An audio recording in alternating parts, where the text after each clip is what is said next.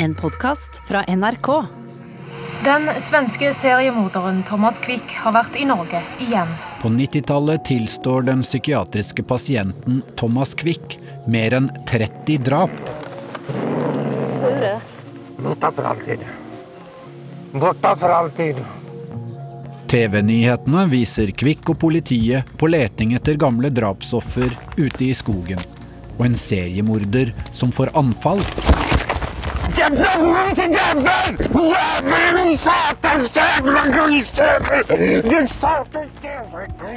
Han blir dømt for åtte drap. Tre er norske saker. Men så trekker han tilståelsene tilbake.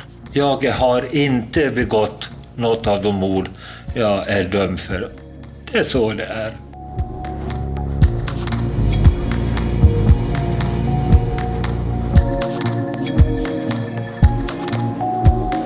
Du hører på hele historien om Thomas Quick, frikjent for seriemord. Av meg, Kjetil Saugestad. Den første av to deler.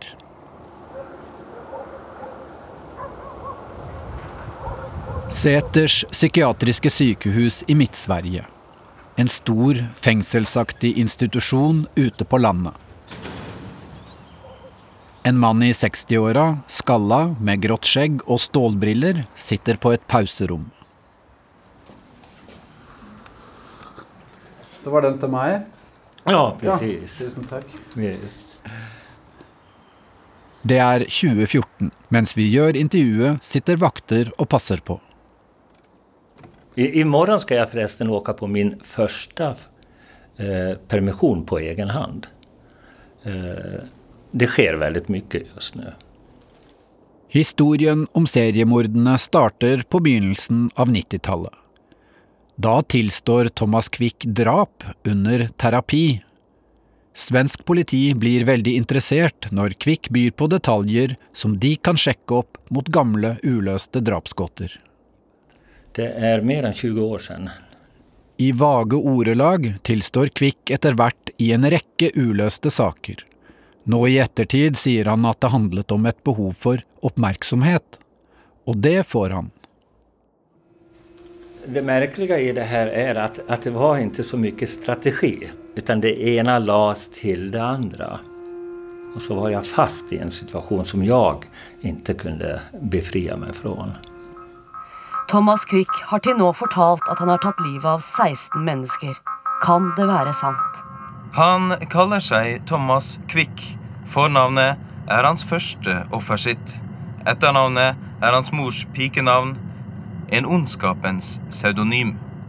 Politiet finner bevis de mener styrker tilståelsene. Han blir på rekke og rad dømt for tre ulike drap i Sverige. Det er jo en en dubbelnatur. og det er en manipulativ menneske. Selv storebroren Sten Ove Bergvall, tror at Thomas Quick er en seriemorder. En menneske som vinner folks fortroende, En menneske som leder utviklingen mange ganger og åt det håll han vil at det skal ske. Thomas Quick er en sannsynlig gjerningsmann. Han er flere ganger dømt til psykiatrisk behandling. Han har begått overgrep mot unge gutter. Han har nesten knivdrept en mann. Før den siste tvangsinnleggelsen begår han et grovt ran sammen med en ung kamerat. De bryter seg inn hos en lokal bankdirektør. Mens Kvikk holder kone og barn som gisler med kniv, blir direktøren truet til banken for å ta ut penger. I 1996 forteller Thomas Quick historier om turer han har hatt i Norge. Skikkelig katakomber, da. VGs krimreporter Svein Arne Håvik tar oss med ned i kjellerarkivene for å finne de første artiklene han skrev med nyheten om at Kvikk også er mistenkt for drap i Norge. Det var eh, midt på sommeren i verste agurktida. Du kan jo tenke deg sjøl å få en sånn eksklusiv nyhet som da tok så å si hele fronten og eh, ansiktet til Kvikk utover hele fronten. Det var eh, rock'n'roll, det. Han skriver om ulike saker der den dømte seriemorderen kan være aktuell. Selv om Håvik regner med at Kvikk er under streng kontroll, prøver han å få en kommentar fra hovedpersonen selv. Jeg ble helt sjokka da jeg skjønte det. Kvikk satt på Seter sjukehus, eh, og det var bare ingen. Når som helst. Han tok telefonen. Men før han gir noe intervju, krever Thomas Quick å få tilsendt VG-artiklene. Så jeg sendte jo da det vi hadde skrevet da, ikke sant. Eh, nå viste det seg til slutt, da, etter at han hadde fått materialet, at eh, han krevde jeg tror 20 000 kroner jeg, for å la seg intervjue. Og da sendte jeg bare brev tilbake om at eh, vi i VG betaler ikke massemordere eh, for intervjuer. Eh, det viste seg senere at det gjorde kollegene våre. Først tilstår Kvikk å ha drept to flyktninger i Norge. Det kobles opp mot to unge menn som er meldt savnet fra Oslo. I avhør tegner han asylmottaket på Skullerud med forbløffende likhet. Men så får Kripos-etterforsker Håvard Aksnes vite om VG-artiklene Håvik har sendt til Kvikk. Så da denne avisa fra VG dukka opp, da, så var det, det var bortimot et sjokk. Altså. At vite at han her har han jammen fått en norsk avis inn på cella og kan sitte der og kopiere en tegning en av, som han bruker i en avhørssituasjon. Det betyr jo i praksis at vi har null kontroll på hva han har til ja, tilgang av informasjon. Da vi fant ut det, da ja. da ble vi Altså, vi hadde jo ikke noe tro på denne historien i det hele tatt. Fiaskoen er total når det viser seg at de savnede guttene er i live. De har reist videre og søkt asyl i andre land. Men dette feilsporet får ikke store konsekvenser, for svensk politi er vant til at mye ikke stemmer. Eh, men så sa de noe som jeg syns ble veldig vanskelig, og det var at det er jo klart at Thomas Quick lyver, men han, men han taler også sanning. Og da blir det veldig vanskelig, syns jeg. Altså du, da, da, er det på en måte OK. Det som ikke passer, det er, det er løgn, men så likevel så er det ting som er sant. Altså det, det, blir på en måte motsatt av hvordan man etterforsker vanligvis. Det er eh, vi som skal bevise at, at, at det er han som har gjort noe, det, ikke, det er ikke motsatt.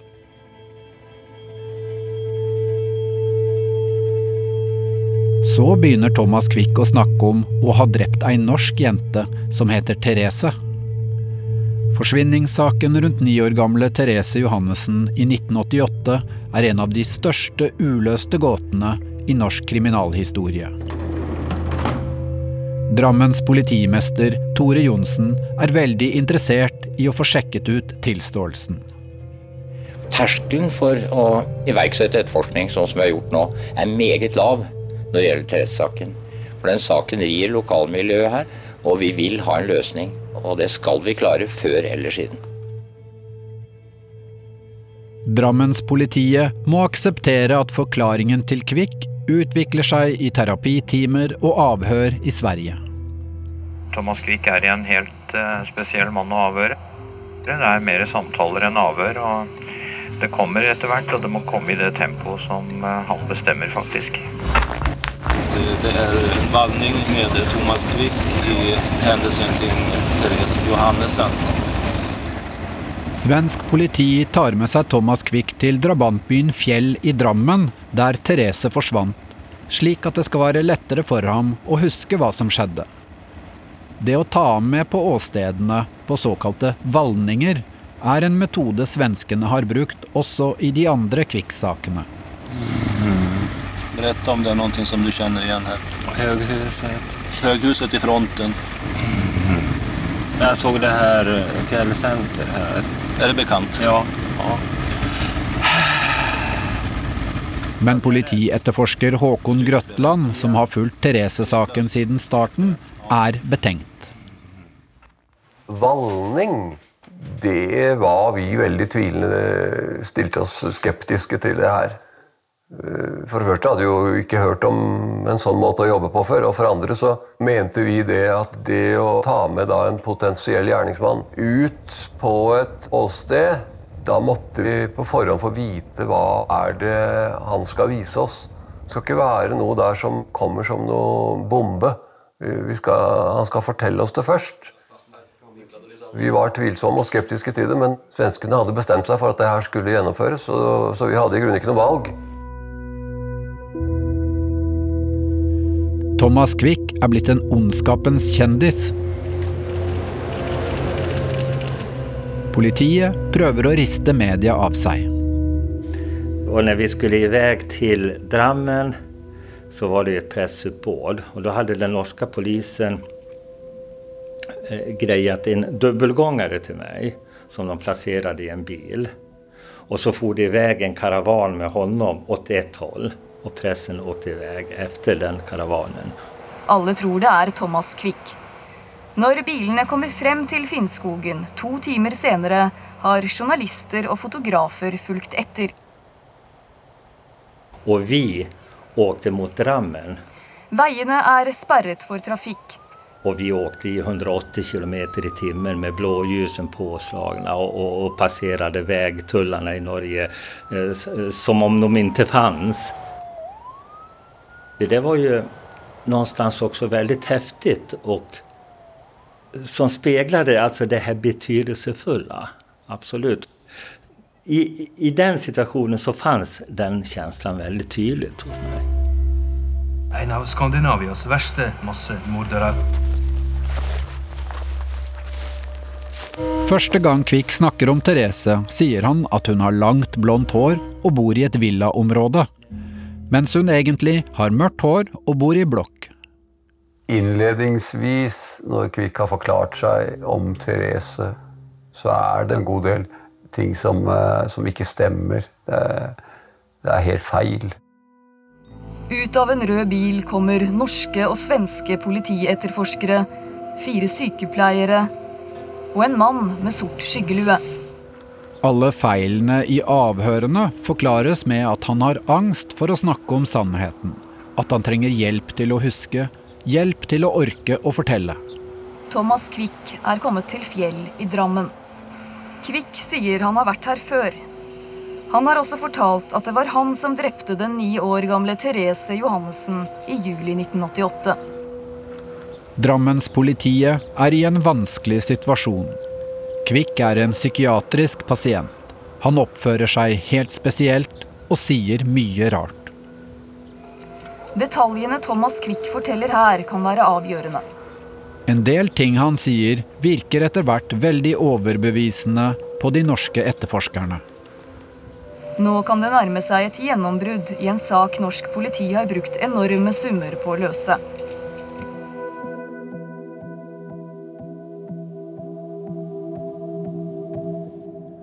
Pressen følger tett på etterforskningen. Den journalisten som kanskje får best kontakt med Thomas Quick, er Kåre Hunstad jr. i Dagbladet. Det ble såpass øh, åpent øh, inn til Thomas Quick at jeg hadde telefonnummer, en telefonboks, i gangen på Sæter sykehus. Seriemorderen kjenner sin egen markedsverdi og vet å benytte seg av den. Eh, dersom han får betalt, så skal han fortelle eh, ting han ikke har fortalt til politiet.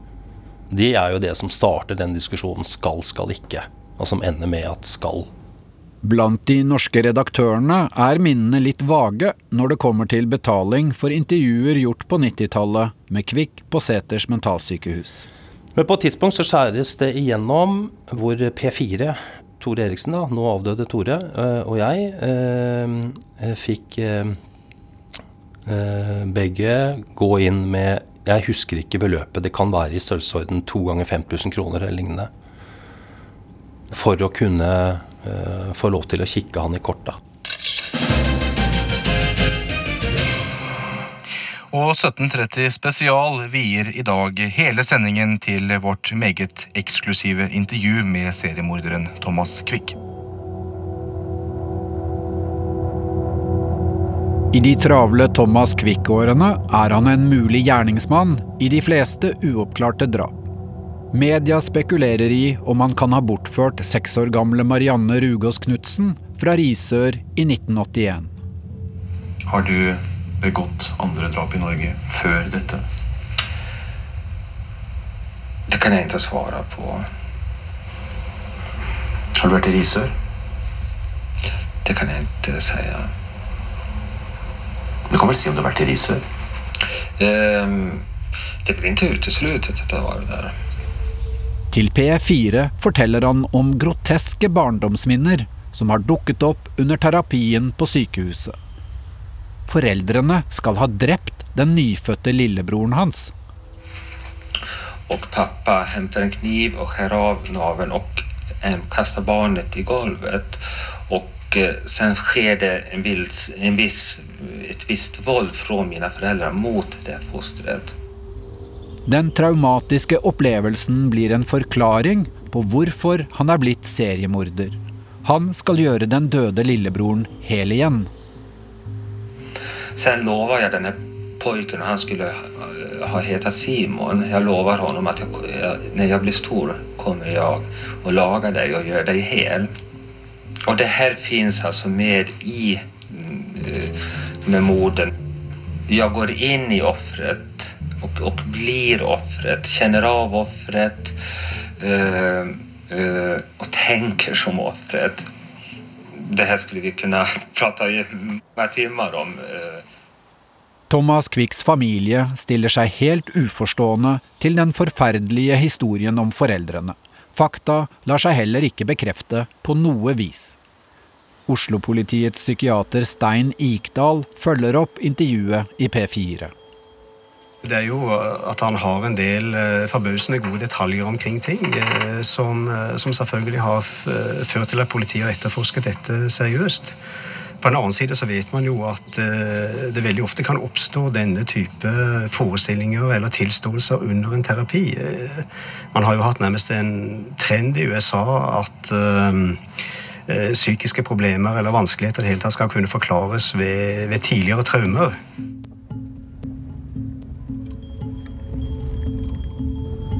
I Therese-saken jobber politiet videre. Thomas Quick forklarer at han kidnapper jenta og kjører av gårde med henne mot Sverige. Par kilometer fram så. Han leder etterforsker Håkon Grøtland og resten av følget inn på en skogsbilvei utenfor Ørje i Østfold. Han leita etter et uh, egnet sted å stanse før han kom så langt som til Sverige. Vi åker jeg opp dit på den skogsbilvägen. Det var en merkelig, merkelig opplevelse å kjøre innover der. eh, eh, hva, hva var det For vi visste jo ikke hva, hva det var han skulle vise oss. Stannar. Så ble det en stopp langs uh, veien der, etter noen kilometer, hvor han skulle ut av bilen.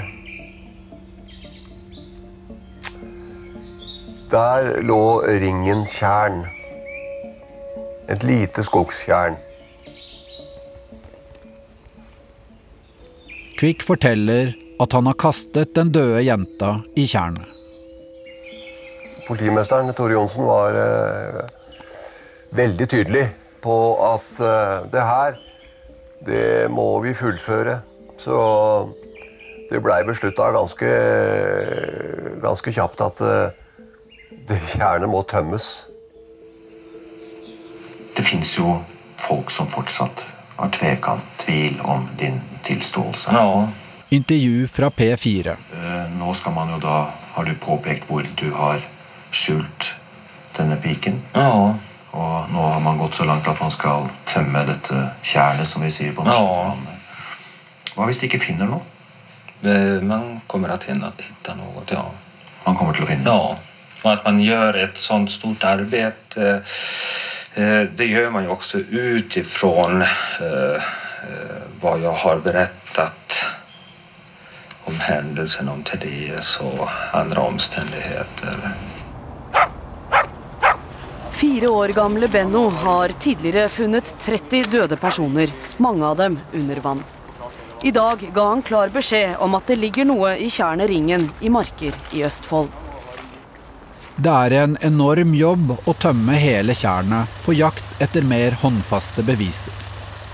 Jeg fikk delta i den jobben ved å stå ved rista da, og behandle det som kom fra tjernet gjennom slangene. Politiet siler 25 millioner liter myrvann. Det var veldig spent og følelseslada situasjon, det å stå der. Og ha på mange måter en forhåpning om at det skulle komme noe der. Politiet søker seg helt ned til bunnfall fra istiden. 30 mann holder på i sju uker før de gir opp. Pumpene i Ringen tjern i Østfold ble slått av for siste gang i ettermiddag. Tjernet der Thomas Quick har forklart At han dumpet liket av Therese Johannessen, viste seg å være tomt. Ja, Er norsk politi lurt av Thomas Quick? Ikke nødvendigvis. Han kan godt tro på de opplysningene han har gitt, men huske feil.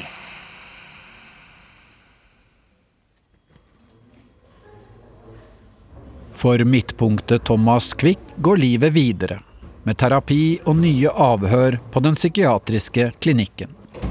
Jeg behøvde ikke bry meg om det. Utan jag fanns ju här och levde mitt liv här eh, tillsammans med, med polis, och åklagare och terapeut. Eh, jag fanns ju i den här väldigt slutna världen.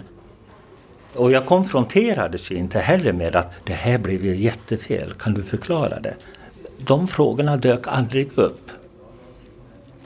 Han forbereder seg til neste rettssak. Vinteren etter tømmingen av tjernet dømmes han for drap på en israelsk turist i Sverige, som ble funnet samme år Therese forsvant. Så er han klar for å fortelle nye ting om jenta fra Drammen. Eh, vi har nyss passert plassen der hun dødes. Han blir tatt med tilbake til Ørjeskogen i Østfold. De norske etterforskerne sier at de prøver å sjekke Kvikk ut av saken, men at det er stadig nye detaljer som gjør at de vil fortsette.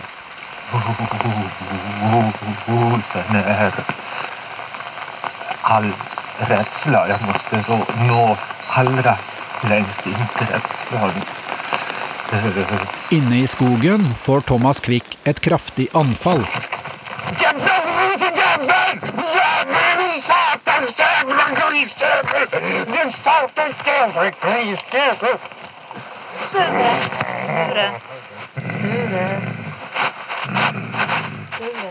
Borta for alltid.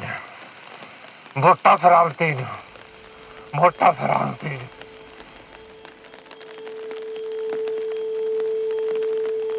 Politietterforsker Håkon Grøtland. Det var en, eh, det var en fæl opplevelse, syns jeg. Det tok helt nærmest nærmere knekken på meg. Kvikk ser tilbake på anfallene i skogen som noe som skjer pga. tung medisinering. På de her filmsekvensene som du tenker på, der er jeg nærmest psykotisk som en direkte bivirkning av benzodiazepinene. Benzodiazepiner brukes for å dempe angst. De kan ha bivirkninger som aggressivitet og lav impulskontroll. Pillene er narkotiske og sterkt vanedannende. Jeg får ta en til, sa nå. Det var skitsamme om jeg overdoserer litt. Det var, det var lenge. Journalene viser at Thomas Quick får mye medisiner. Han sier tilgangen på dop blir et viktig motiv for å fortsette å tilstå. Grensene mellom hva som er fantasi og virkelighet, blir uklare. De var veldig flytende. De gikk inn i hverandre. Eh, eh, så var det hele tiden, altså.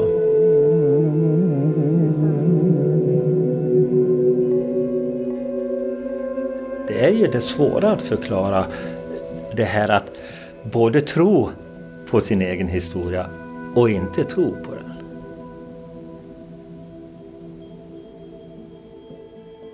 I Ørjeskogen leter og leter politiet etter konkrete bevis. Og endelig gjør de noen funn.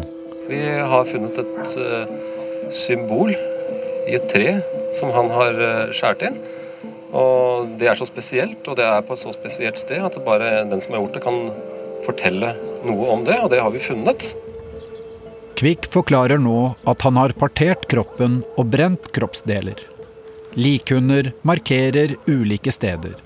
I et utbrent bål finner politiet noen brente biter som skal få enorm oppmerksomhet. Professor Per Holk og en tysk kollega er eksperter på beinrester og får tilsendt poser med utgravd materiale. Politiet har jo eh, tatt dette opp og lagt det i plastposer. Og disse stedene ble da markert med denne likhunden. En av bitene har et snittmerke, og politiet finner et baufilblad som passer, rett i nærheten. Det første vi eh, fant, og det første som, slik jeg ble fortalt iallfall, var i tråd med det uh, Kvikk hadde fortalt selv. Om partering og brenning og slike ting. Men bitene er små, de veier bare noen få gram. Professor Holk er likevel nokså sikker. At det var ben, etter mitt skjønn, og at det ikke usannsynlig var fra menneske og et ungt individ.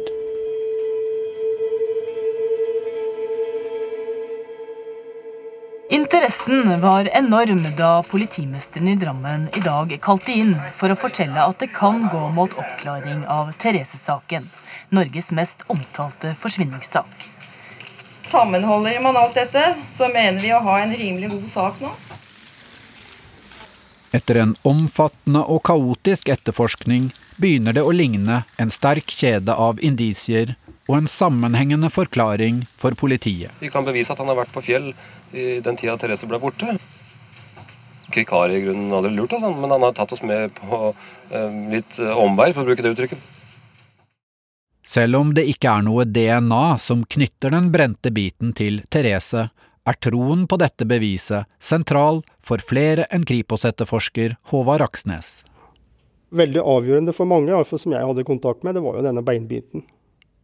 At det ble funnet et bein der oppe. Altså det var, for det er, sånne, det er, sånne ting vi leter etter i en etterforskning. Finner du den type ting, OK. Da Det er et veldig sterkt bevis. Så det var sånn vi tenkte òg. Ok, selv om vi er, ikke, er veldig i tvil her og er mye vi ikke skjønner noe av, så ok, det, det er vel han som har gjort det, da. Saken blir sendt over til Sverige. I et brev skriver den norske førstestatsadvokaten Lasse Kvikstad om etterforskningen. Sitat noe av det beste jeg har hatt til vurdering i den tid jeg har arbeidet i norsk politi og påtalemyndighet. Rettssaken mot Thomas Quick skal føres her i Stockholm. Kommer domstolen til at det som står i politiets dokumenter er sant, så er Therese-saken også Norges verste barnedrapssak.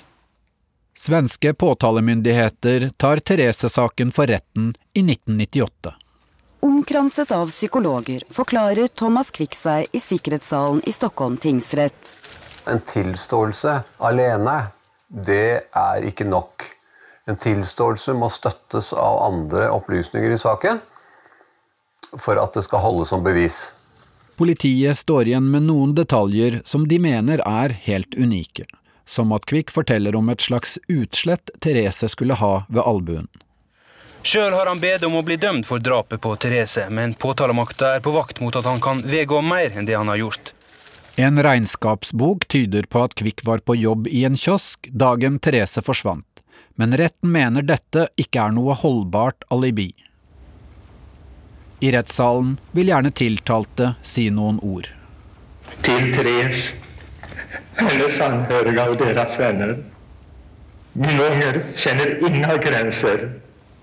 Og min fortvilan over det jeg har drabbet er med, tar aldri slutt. Jeg sier forlåt i dag faller dommen i Therese-saka nesten ti år etter at Therese Johannessen ble vekke fra Drammen. En helt spesiell detalj fra seriemorderens forklaring felte ham i Hedemora tingsrett i dag. Det var om Thereses eksem i armhulen.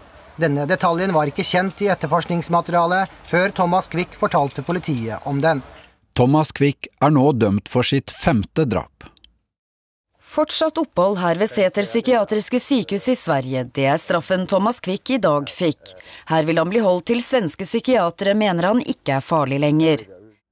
Den dømte seriemorderen fortsetter å tilstå. Politiet tror på flere gjennombrudd i gamle drapsgåter.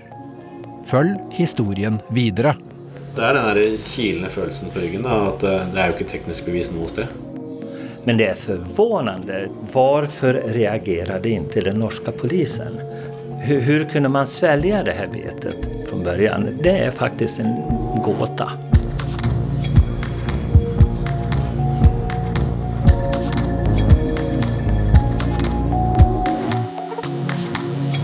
Du har hørt første del av hele historien om Thomas Quick, frikjent for seriemord.